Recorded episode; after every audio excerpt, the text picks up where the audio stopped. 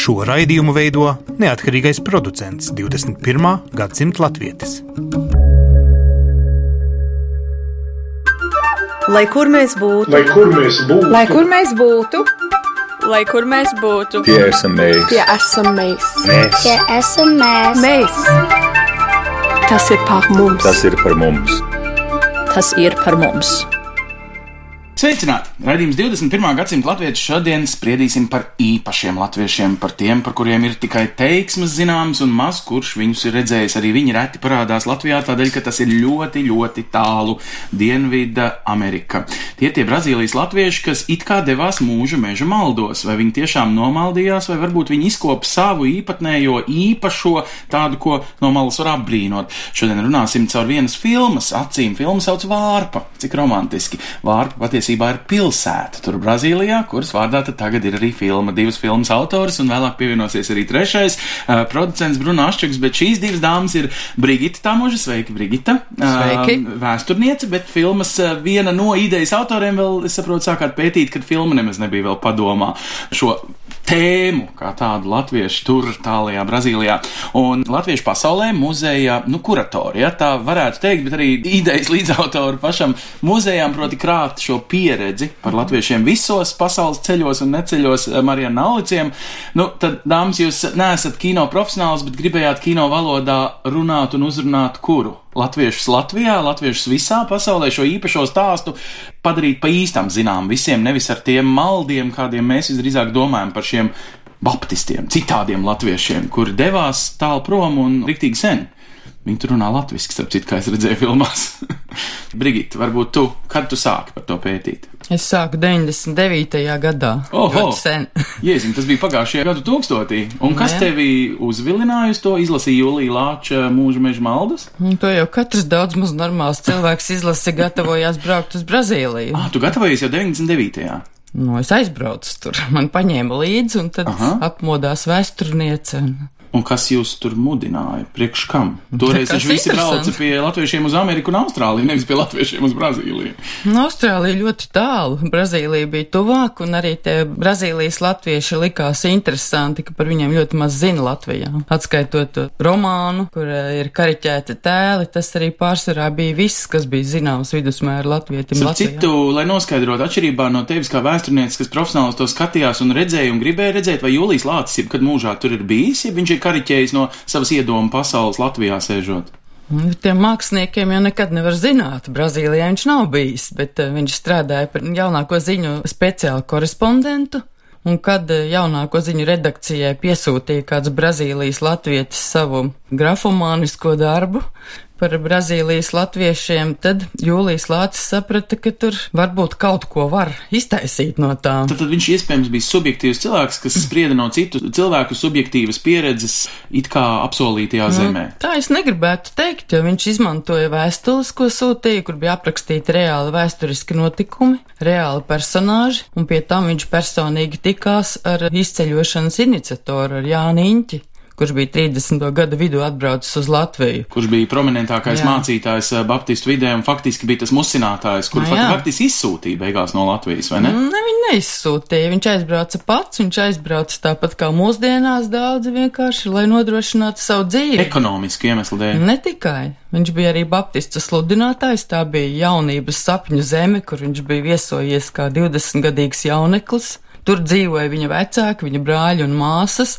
Un tad, nu, beidzot pēc Pirmā pasaules kara, kad atjaunojās satiksme ar Amerikas kontinentu, tad viņam bija iespējams pievienoties ģimenei. Cik uh, patiesībā sirsnīgs un cilvēcīgs Tieši stāsts. tā. Mūsdienās nekas nav mainījies. Labi, Marijāna, uh, savukārt muzejām lapas ir nu, tāda cēla liela doma apkopot šo latviešu pieredzi faktiski vairāk gadsimtu garumā visā pasaulē. Jūs sākāt ar vienu no tālākajiem punktiem. Kāpēc? Nu, jā, mums vienkārši sagadījās, ka mums bija tāda iespēja, ka Brigita bija uzzinājusi par arhīvu, ko bija jāglābj. Un tad mēs kopā braucām to darīt, un tas bija vienkārši sagadījums, ka tas notika tā. Mums nebija plāns latviešu pasaulē, tagad mēs sāksim ar Brazīliju, bet vienkārši tā sanāca. Tātad šī ir interaktīva filma, kurai patiesībā klāt ir arī arhīvs, kas tagad glabājās muzejā kā tā mantiska liecība. Jā, daļēji tas arhīvs glabājās pie mums, bet daudz tās dokumentālās liecības arī tika nodots Nacionālam arhīvam. Tātad viņš glabājās vairākās vietās, bet mums ir galvenokārt priekšmeti un cilvēku stāsti par tiem priekšmetiem. Nu, kas tas- ir arī uz muzeja pamatīdēja, vai ne? un arī filmā, kad mēs cilvēkus intervējām, varbūt ne kā žurnālisti, kuri ātri ienāk un pajautā un aizskrien,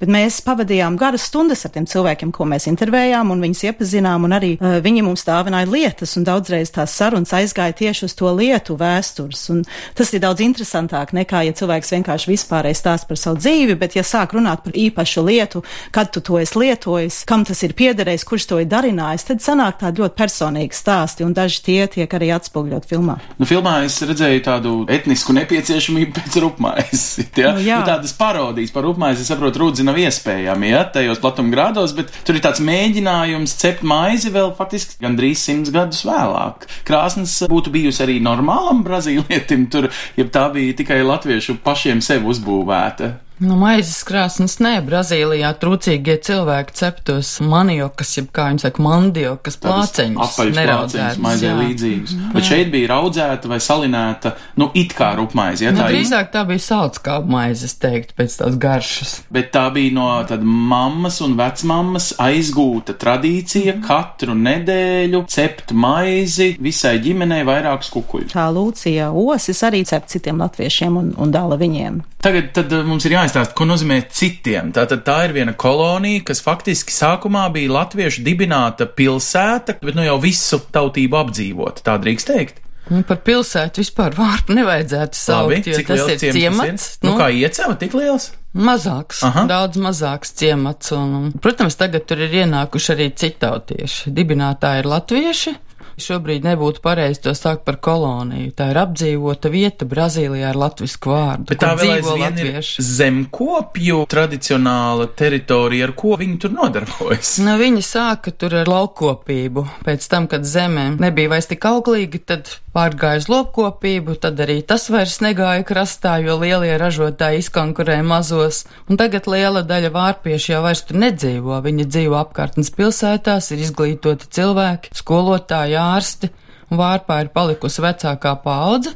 Kam pieder tie īpašumi, bet viņi vairs nedzīvo no zemkopības, Bet tad- atskaitot dažas ģimenes. Bet tad mēs varam teikt, ka, ja ieliek to trīs paudžu nogrieznī, nevis tās, kura izceļoja ar maziem bērniem, kuri tagad jau ir vecmāmiņas, uh, sirmas kundzes, kas uh, filmā arī atcerās dažas šo personīgo ceļojumu pāri, bet lielākā daļa jau ir tur dzimuši. Tad trīs paudžu kontekstā viņi ir sasnieguši to savu laimīgo zemi. Nu, kas kuram ir laime?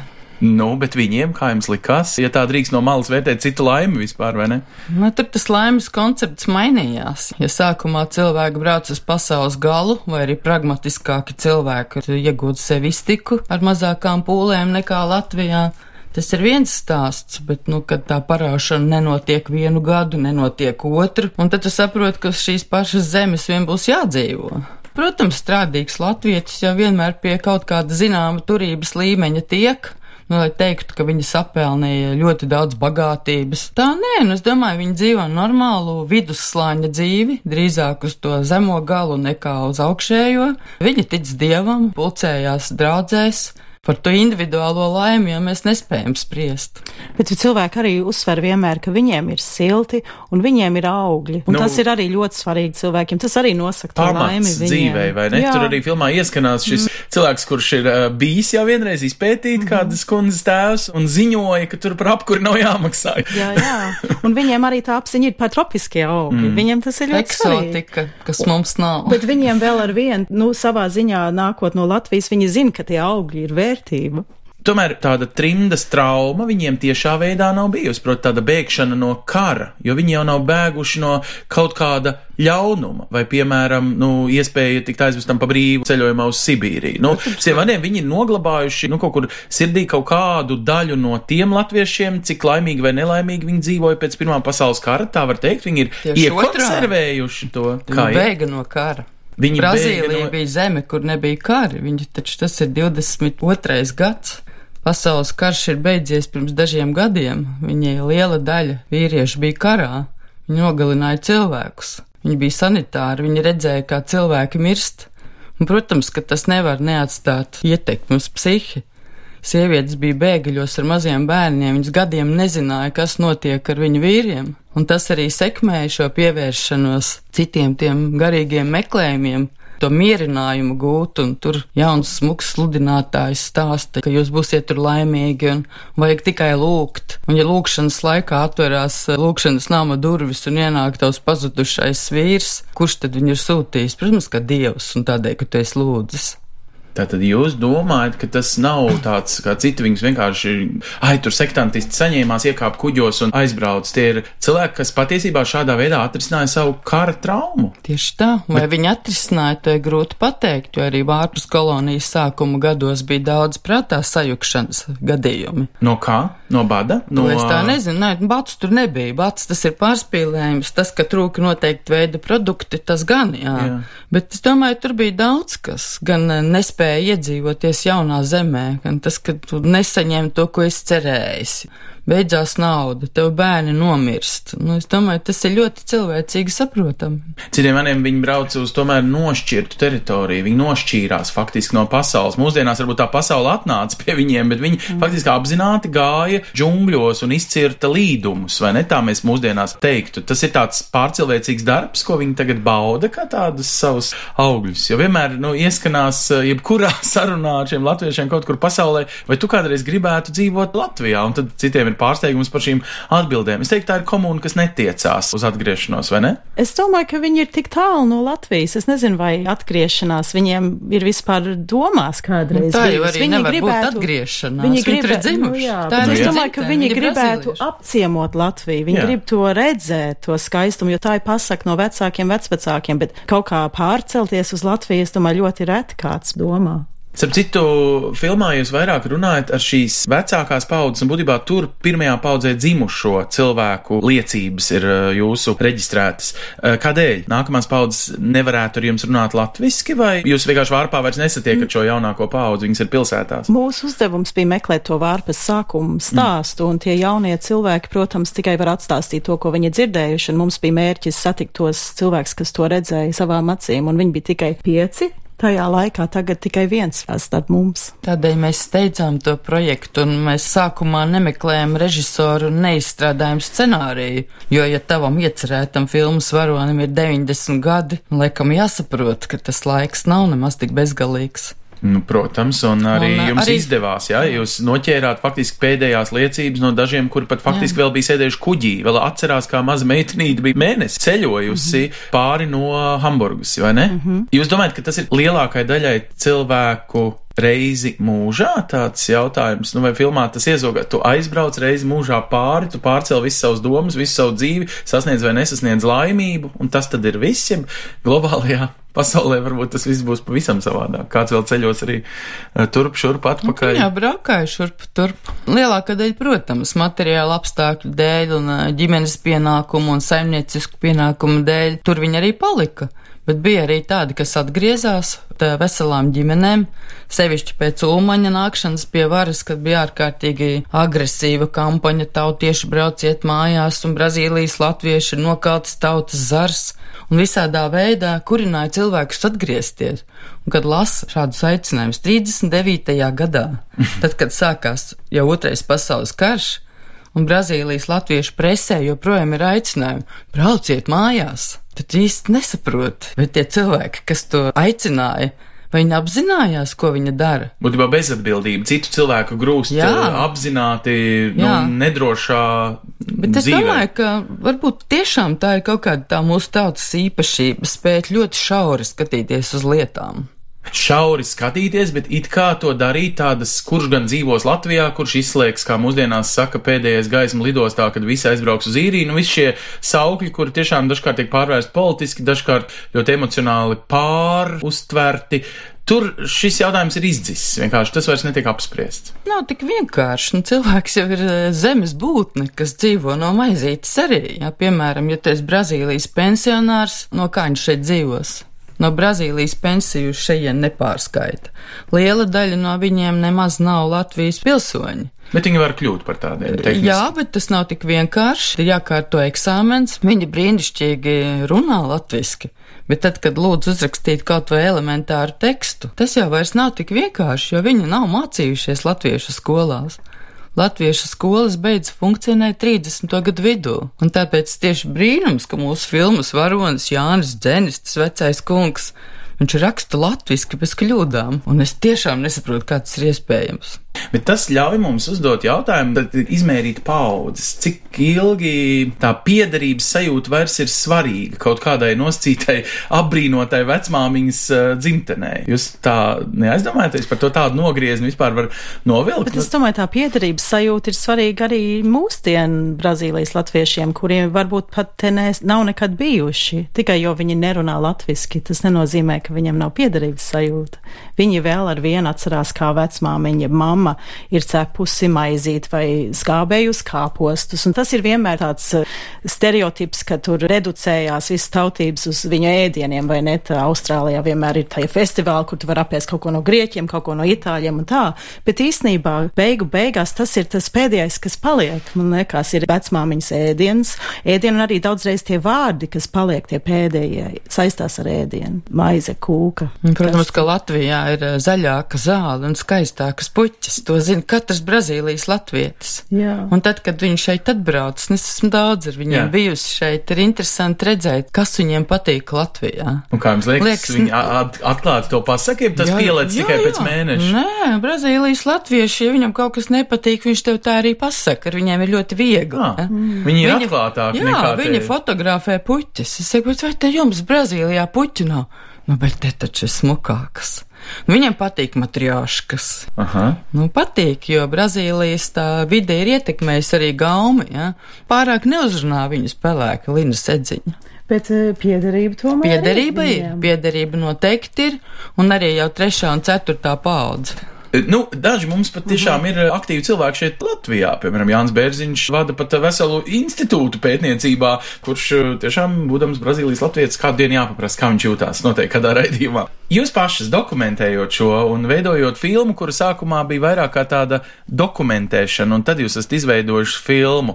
Um, interesanti, ka pirmizrāde, tāda aktīva pirmizrāde ir bijusi Rīgā, bet faktiski būs uh, tieši ārzem latviešu komunās šovasar dziesmu svētkos uh, Baltimorā. Katrā ziņā jūs uzrunājat tieši to latviešu sabiedrības daļu, kuri paši arī ir ārā vai trimdā vai diasporā, kā to tagad sauc. Kādēļ šeit to neuztvert ar tādu emocionālo lādiņu? Es domāju, ka šeit arī tas interesē cilvēkiem, un mums uz pirmizrādi bija ziedoņa zālē. Mēs cerējām, ka mēs varēsim pusi aizpildīt to ziedoņa zāli. Mums atnāca tik daudz cilvēku, ka viņi stāvēja kājās skatīties. Tātad Latvijā ir ļoti liela interese šajā tēmā, kas mani pārsteidz, varbūt Brigita nepārsteidz. Nē, te ir ļoti daudz radinieki vēl palikuši, ja, kuri sarakstījās līdz otram pasaules karam, un viņus interesē, viņi nezin to stāstu. Arī Brazīlijas latvieši paši pilnībā šo izceļošanas stāstu nezin, jo tās bija baptistu ģimenes ar ļoti stingru audzināšanas disciplīnu, un ar vecākiem nerunāja toreiz bērni tā kā mēs tagad.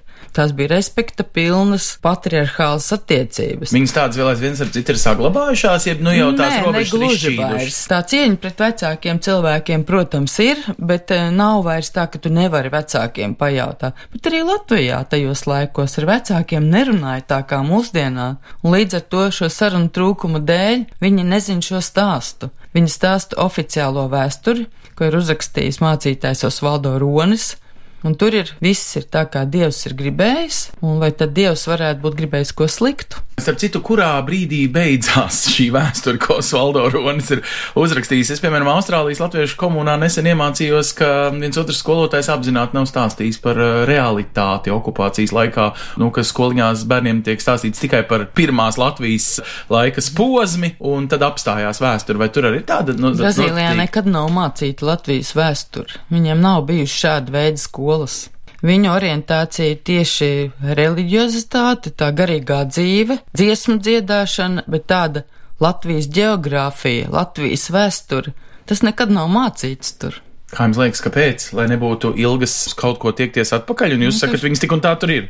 Kāpēc nemācīt? Jo, piemēram, mūsdienu diasporas skoliņu obligātā sastāvdaļa ir tā kā dievs daba darbs. Trīs daļas - valoda, un Latvijas vēsture un Latvijas daba. Bet vispār tā apziņa par Latviju ir ļoti citāda nekā trimdas sabiedrībā, kur es, piemēram, augu, kur latvietība sastāvēja no tautas dejām, tautas dziesmām un Latvijas vēstures zināšanām. Viņiem tur ir citāds veids, kā viņi to latvietību uztur, un viņi daudzi nezina nevienu tautas dziesmu, bet viņi ir ļoti latviski. Bet mēs varam atrast to līdzību tajā, ka es atvainojos par tiešām, mm. bet trimdas latviešu bērni, ieskaitot tevi, Marijana, mm -hmm. tika gatavoti braukšanai Jā. atpakaļ, kad Latvija būs brīva, tad tur neviens neko tur tādu praktisku negatavoja, jo mēs esam, kur mēs esam, un mēs esam sasnieguši to savu, nu, Nu, tur ir arī cits laimi. iemesls. Gan tas, ko jūs teicāt, jā, bet arī tas, ka Brazīlijas valdība neatļāva nacionālās skolas. Brazīlijas valdības politika bija izveidot vienotu Brazīļu tautu, un pat eh, tas, ka latvieši apmetā šie divi ar pus tūkstoši vienkopus,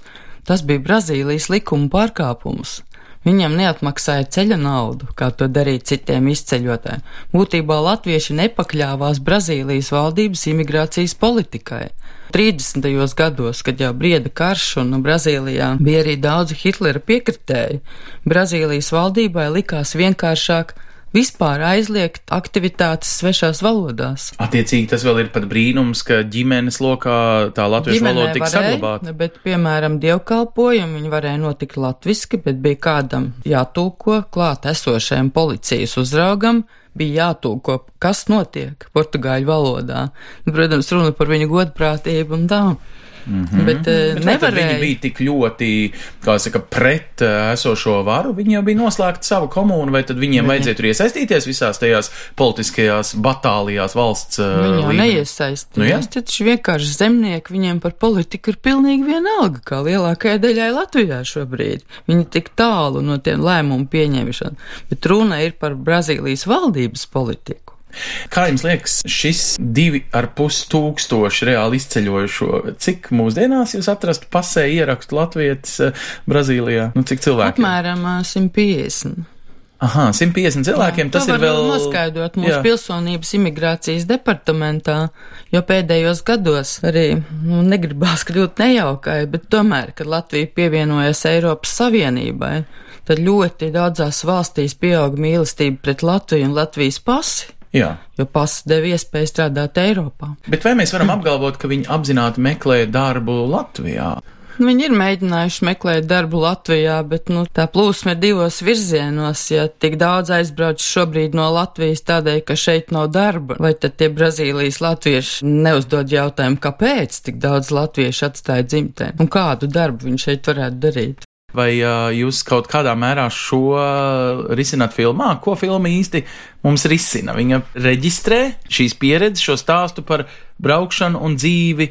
Tur viņi jau nerunā par mūsdienu kaut kādiem sakariem ar Latviju vai kaut kādu sociālu kontekstu. Jūs esat reģistrējuši, un tas paliks kas Vai tas būs. tiešām? Es domāju, es domāju, jūs... nē, nē, sakiet, ko es. es uh, Mums būtu ļoti žēl, ka šo filmu uzskatītu tikai stāstuņu par vēsturi. Aha. Ja cilvēks neaizdomātos par to, kas notiek ar tavu latvietību, ar tavu nacionālo identitāti, aizbraucot no savas dzimtenes, kas notiks ar taviem bērniem. Un es ļoti ceru, ka kāds tomēr arī paskatījās šādā veidā uz to, kurā paaudzē tavu bērnu nebūs vairs latvieši, vai tu to gribi. Tad es teiktu, ka ir septiņreiz svarīgāk to rādīt ārpus Latvijas dzīvojušiem latviešiem nekā iekšā, bet, protams, arī iekšā. Marian, tu šo filmu mm -hmm. veidojot, mēģināji mm -hmm. pateikt kādam konkrēti, kādai eh, latviešu tautas grupai kaut ko. Ar šo stāstu Personīgi man interesēja tas, ka viņi ir tik citādi nekā tie cilvēki, ar ko es pieaugu, un tā, tas modelis, kas man bija kā dzīvot ārpus Latvijas. Bet es nezinu, vai es kaut ko mēģināju stāstīt citiem par to, vienīgi parādīt, kā tad cilvēki dzīvo tur. Bet es domāju, ka tur ir paralēls arī ne tikai par latvietību, bet tur arī var redzēt, piemēram, kā Latvijā tagad mums iet laukos un kā aizbrauc prom jaunās paudzes uz lielpilsētām. To tas stāsts arī ļoti labi redzams. Tā ir tā globālā filmā. domāšana, par ko Jā. Brigita tikko teica, ka mums nevajag tikai šauri skatīties Jā. uz viena ciema situāciju Latvijā, ka šāda ciema situācijas ir arī ar latviešiem citos jā, kontinentos. Tā tad visādi var skatīties uz filmu, bet man tieši personīgi bija interesanti tas, ka, ka nezinu tautas tiesmas cilvēki, jo es arī pati daudz esmu dziedājis tautas dziesmas, un man tas liekas, tā ir man tā atslēga, bet tur cilvēkiem nav tās dziesmas, piemēram. Bet, kā, bet viņi bija baptisti, tautas dziesmu Jā. baznīcā jau baigi tā Nē, nenes iekšā. nē, Tas ir tā tāds tad- mūsdienu pieejams. Nu jā, tā tad dievs mīlestība ir viņu tautas dziesmā, un to viņi dzied, bet tas man bija ļoti interesanti redzēt, ka cilvēki vēl ir tik latviski, nedzīvot Latvijā, bet arī ne, neizmantojot tos līdzekļus, ko es zinu, kā uzturēt to latvietību. Un saki, lūdzu, cilvēki, kas dzīvo tajā trimdā, kas izceļoja no Latvijas, vienalga kurā paudzē, bet pēc otrā pasaules kara, faktiski uz šiem mūža mežos dzīvojošiem Brazīlijas eh, tautiešiem skatās ar citām acīm, kā cilvēki, kas Latvijā dzīvo, dzīvojuši. Kā tev šķiet? Jā, droši vien, ka skatās citādi, jo ir citādi tāda kultūras izpratnes un citādi visādas izpratnes. Mēs citreiz um, sakām, ka trimdā kultūras tāda nepieciešamība pēc viņas un tāda piekopšana ir tāda sakoncentrēta. Viņa ir tāda, nu, kā saka, sestdienās, bet intensīva. Jā. Vai Brazīlijā to kaut ko var novērot līdzīgu? Tāda Nu, bet viņiem ir sakoncentrēta. tā baznīcas dzīve sakoncentrēta. Tā baznīca ir tā as, ap ko tas viss grozās. Jā, tur tas viss notiek un tiek kopts un satikt draugi un runāts latviski un viss kaut kas. Un arī dievkalpojums vēl aizvien turpinās latviski. Vairs ne. Tas jau beidzās apmēram 60. gada sākumā pārgājis portugāļu valodu, to valodas ierobežojumu dēļ, gan arī tādēļ, ka sākās jauktās laulības. Un ja nāks pieprecētais vīrs vai sieva neko nesapratīs, tad viņi izšķīrās upurēt to nacionālo pret reliģiskām prioritātēm. Vai mēs varam teikt, ka tad kopā būšanas mirklis pēc dievkalpojuma tas notiek latviski, vai kur Jā, tad ir tā latviešu valodas skan? Jā, vi- viņa dzied dziesmas, eh, piemēram, uz draudzes svētkiem vienmēr visās draudzēs ir dziesmas latviešu valodā. Un pašlaik tieši pēdējos gados arī tā situācija mainās, jo vecie striktie mācītāji jau vairs nav. Nāk jaunā paudze ar citu domāšanu, ar liberālākiem uzskatiem, un arī tie jaunieši netiek tik ļoti turēti grožos. Bet es šobrīd nerunāju vairs par vārpu, jo vārpā jauniešu nav. Viena daļa vārpiešu pārcēlās uz Novodesu, kas ir tagadējais lielākais latviešu centrs, un, piemēram, tur ir nodibināts koris, un viņi ir izturējuši pirmo atlases kārtu, piedalīsies dziesmu svētkos. 18. gadā. Jā. Cik skaisti.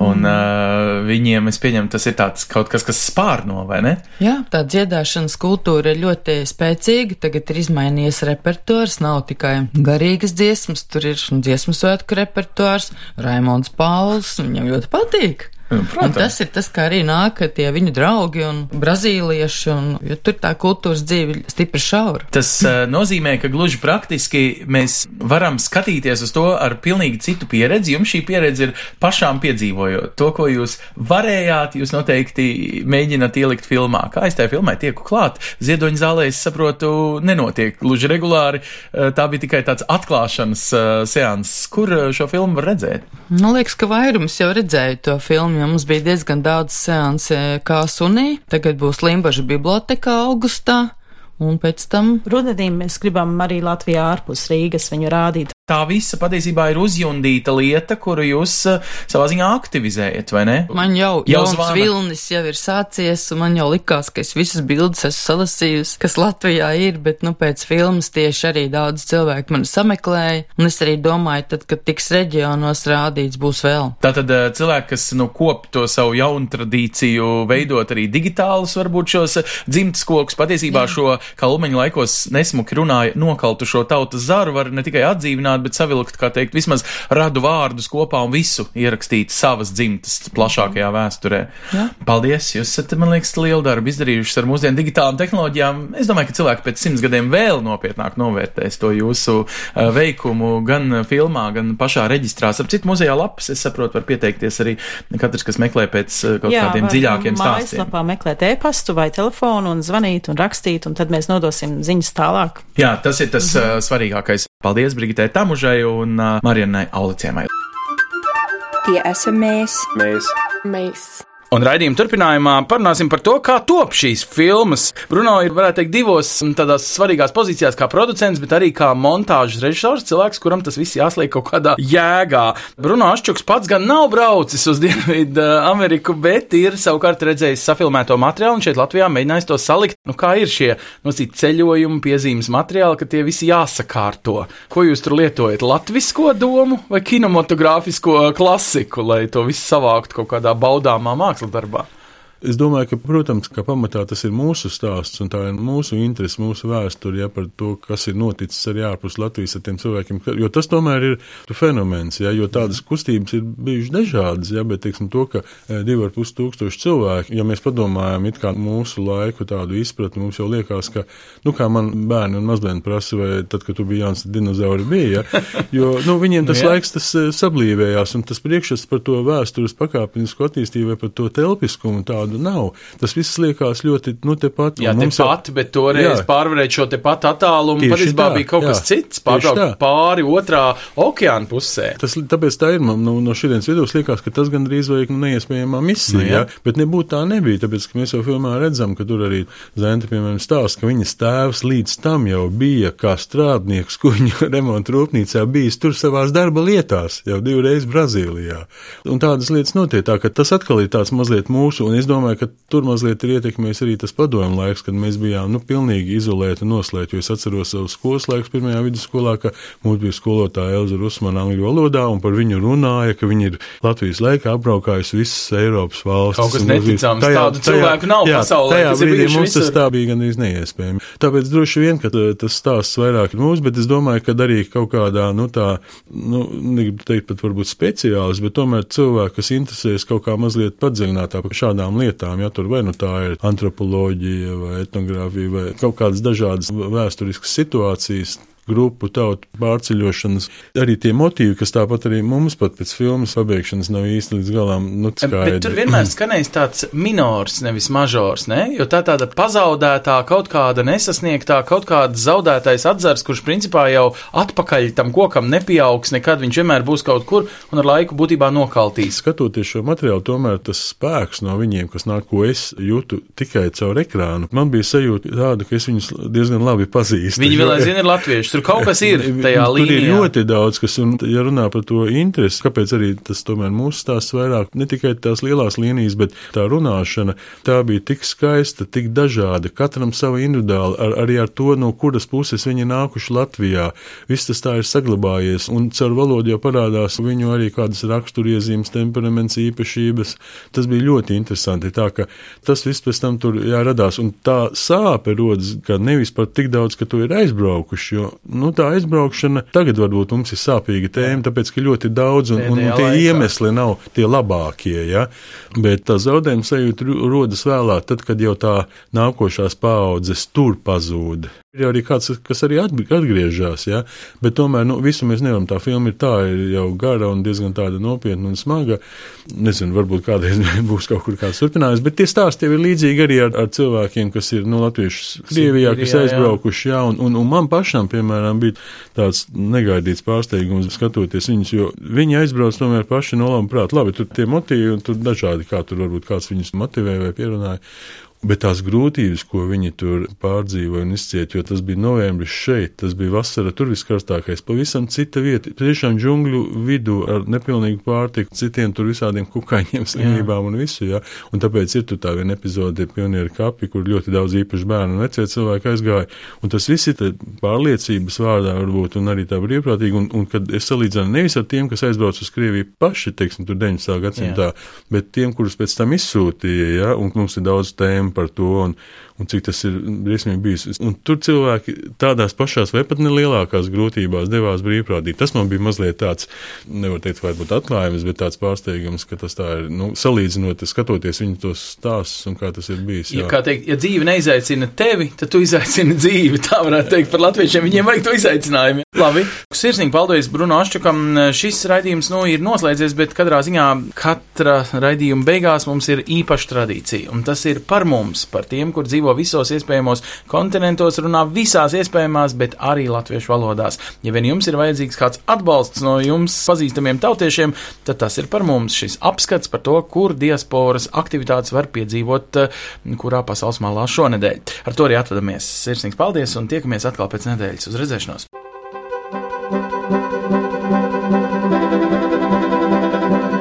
Sadarbībā ar, ar Latviešu.com piedāvājam Globālais latviešu notikuma apskats, kur ir tur rodas. Kur ir tur rodas? Tas ir par mums!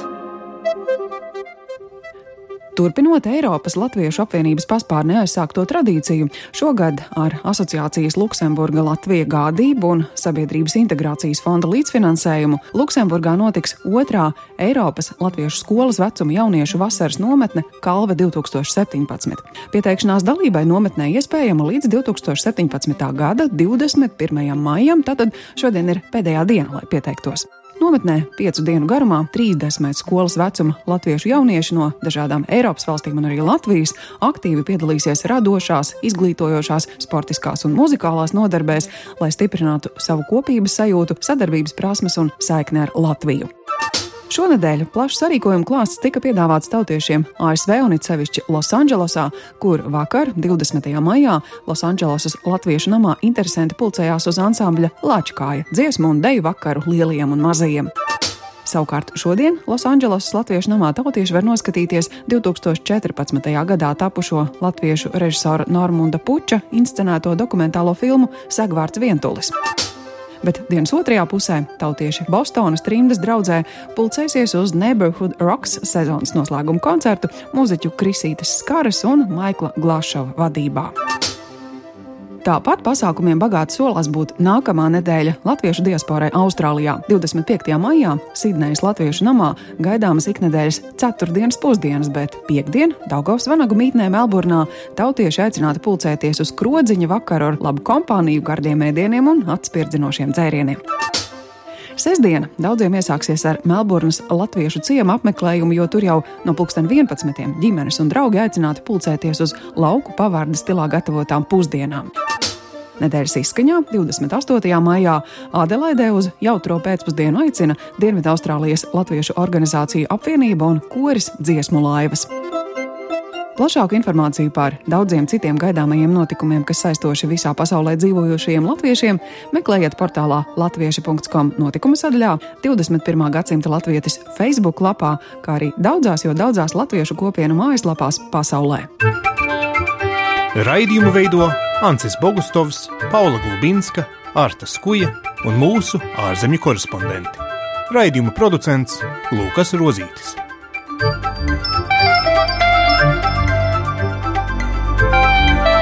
Lai kur mēs būtu, Lai kur mēs būtu, Tas ir par mums. tie esam mēs. tas ir par mums. Tie esam mēs. Tie esam mēs. Tie esam mēs.